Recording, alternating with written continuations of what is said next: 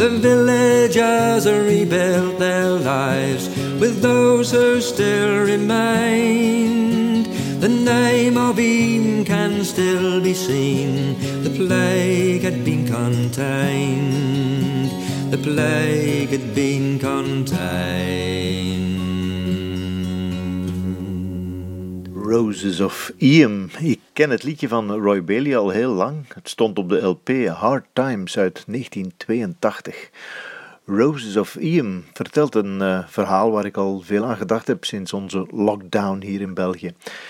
Ik ben blijkbaar niet de enige. Zo klonk het in het BBC-nieuws van 20 maart. The coronavirus crisis is particularly poignant for the small Derbyshire village of Eam.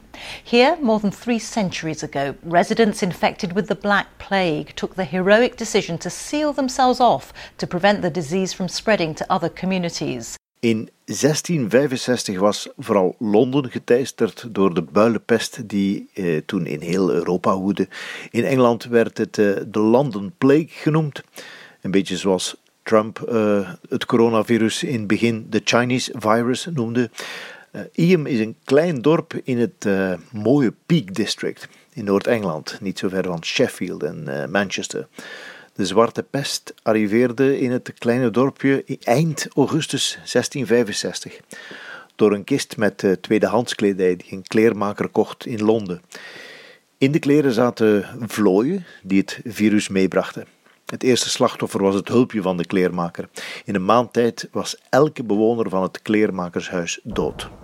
By the end of September, more members of the Hadfield household, where George Vickers was staying, had died.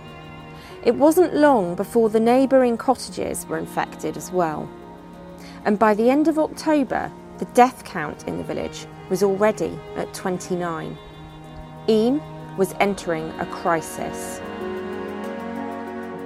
Emma Nicole Lewis is dat. Uh, zij schreef een uh, historische roman, A Shadow Beyond, over uh, de pest in Iem. De doden bleven vallen en de bewoners maakten plannen om het broednest van het dodelijke virus te verlaten. En het is op dat moment dat de, de nieuwe en de oude verstoten dominee van de parochie besluit nemen om hun parochie ervan te overtuigen om allemaal in het dorp te blijven. Anders riskeerde heel de regio besmet te raken. Plague is here, nowhere else. I'm not going to stay here and die when I can be safe outside. There is no safety outside. Wherever you are, there the plague is. For ten months it's been in this village. Do you think because you're not dead, you've been left unmarked? Oh, it's in every fold of your skin. You leave its finger mark on everything you touch. Every house you enter, every person you speak to will be infected when you leave. Our lives are at stake. If we stay here, we'll die. If you go, you'll die in the next valley instead of this one. And there others will die with you. How many murderers have we here? Een fragment uit een film met dezelfde naam als het lied Roses of Ian. De twee dienaren van God weten het dorp te overtuigen om eh, vrijwillig in quarantaine te gaan.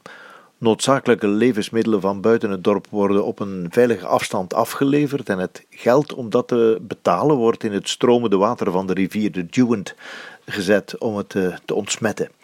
Er komt een samenscholingsverbod, waar hebben we dat nog gehoord? Eh, de doden worden niet meer begraven in of rond de kerk, maar in de tuinen van de mensen zelf. De mis die wordt in open lucht opgedragen in een eh, grote beschutte kloof in een heuvel buiten het dorp. Een jaar na de uitbraak sterft de laatste Iemnaar aan de pest.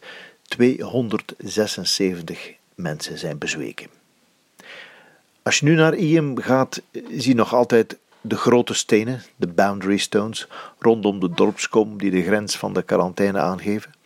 Op het kerkhof staat een groot Keltisch kruis ter nagedachtenis van de doden en aan elk huis hangt een bord met daarop de namen van de bewoners die stierven aan de pest. Soms zes, zeven namen die op een week tijd overleden. Een beetje buiten het dorp ligt een klein ommuurd kerkhofje waar Elizabeth Hancock haar man en haar zes kinderen eigenhandig begroef. Het verhaal van Iam inspireert nog altijd, of kan ons misschien ook wat courage geven in deze lockdown-tijd. Een nakomeling van een van de overlevenden van Iam is alvast niet opgezet met het egoïsme van sommige landgenoten. You know, at the moment it's this me and myself only. You've only got to watch the trolleys in the supermarkets. That can't be right for everybody to be doing that, otherwise, there isn't going to be anything left. We need to make sure that we're watching out for each other and doing as we're told. En pikant detail: de huidige dominee van IEM zit nu ook in quarantaine, want zijn vrouw is getroffen door corona. Zo vaak dat hij passeerde voorbij de herdenkingsplaat in de kerk en hij moest telkens denken hoe zijn voorgangers toen hebben gereageerd. Nu ondervindt hij het aan den lijve. Matt Hartley schreef in 2018 een toneelstuk met als titel Iam, dat gecreëerd werd door de Royal Shakespeare Company.